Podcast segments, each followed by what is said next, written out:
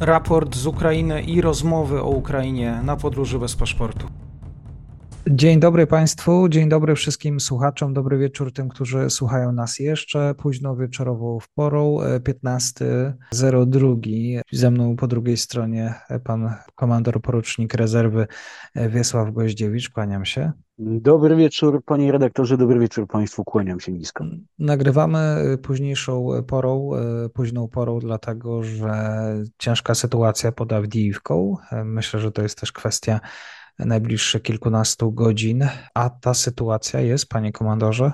Sytuacja, powiedziałbym, jest e, wręcz krytyczna, biorąc pod uwagę, że rzucenie do Awdijiwki trzeciej brygady szturmowej powstałej na bazie niegdysiejszego punktu Azow skończyło się, no tak jak przewidywaliśmy podczas naszej ostatniej rozmowy, czyli ciężkimi stratami po stronie trzeciej brygady szturmowej, bez widocznych rezultatów, biorąc pod uwagę, że Rosjanie właściwie kontrolują już e, wszelkie mm, drogi dojazdowe do Awdijiwki, a w ostatnich 48 godzinach mocno zintensyfikowali działania lotnictwa szturmowego czy lotnictwa frontowego mm, nad Awdijiwką. No, z, pewnym, z pewną ulgą powitałem zapowiedzi ukraińskiego dowództwa o przynajmniej częściowej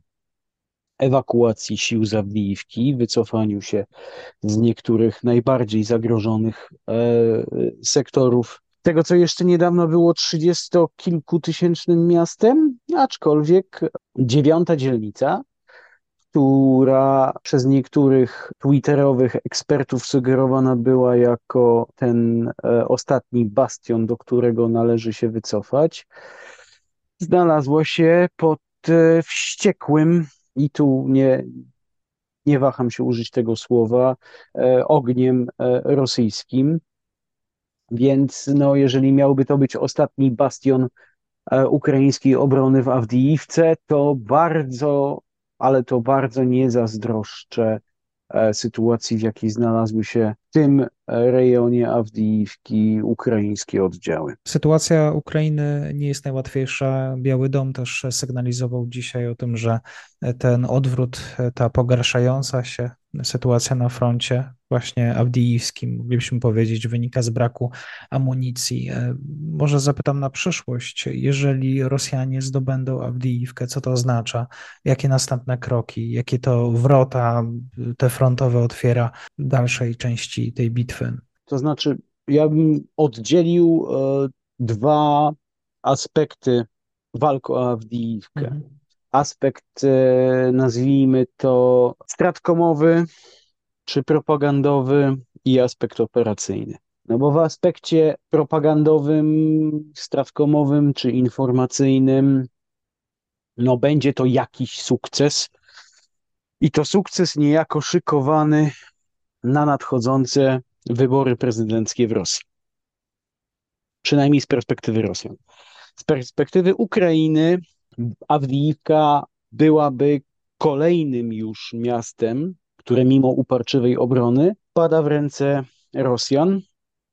Więc z tej perspektywy komunikacji strategicznej czy operacji informacyjnej, no dość e, potężny cios dla strony ukraińskiej, którego raczej nie przykryje zatopienie okrętu typu ropucha Cezar Kunikow, do którego miało dojść bodaj we wtorek. Więc tyle, jeżeli chodzi o ten aspekt e, propagandowy czy informacyjny. Z operacyjnego punktu widzenia zdobycie Awdijiwki nie tyle otwiera Rosjanom drogę do dalszych e, postępów, co ułatwia logistykę, wyrównuje linię frontu i likwiduje takie ostatnie wyraźne włamanie ukraińskie w okupowane przez e, Rosjan tereny obwodu donieckiego. Tym bardziej, że Awdijiwka była niezdobyta tak naprawdę od 2014 roku, kiedy rozpoczęły się walki Donbasie. No i jej zdobycie będzie pewnego rodzaju przypieczętowaniem e, rosyjskich e, starań o opanowanie całego obwodu e, donieckiego. Natomiast biorąc pod uwagę zarówno straty, jakie Rosjanie ponieśli podczas kolejnych prób szturmu na Awdijiwkę, jak również no, niebagatelną długość e, linii e, frontu od obwodu charkowskiego aż po, aż po obwód hersoński, no to nie wydaje mi się, żeby w dającym się przewidzieć e, czasie Rosjanie byli w stanie zdobycie Awdijiwki wykorzystać do rozpoczęcia większych operacji e, zaczepnych e, w Donbasie.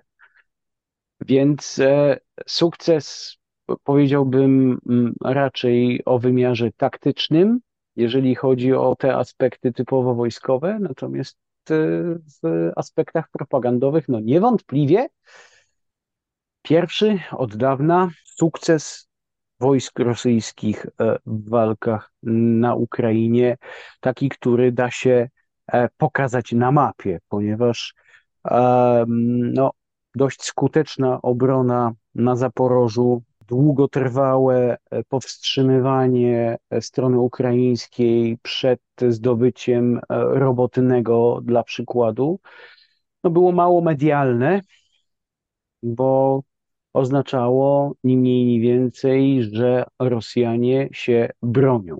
A tu mamy przykład e, zakończonej względnym sukcesem operacji e, zaczepnej. To w sposób zbliżony do zdobycia Bachmutu, czyli po długiej i uporczywej obronie, która no, nie oszukujmy się, kosztowała stronę ukraińską również e, spore ofiary i spore straty. Bardzo dziękuję za ten komentarz. Wiesław Goździewicz po drugiej stronie. Państwu dziękuję za spędzenie kolejnych minut. Kłaniam się nisko. Dziękuję uprzejmie, pozdrawiam serdecznie pana redaktora i słuchaczy.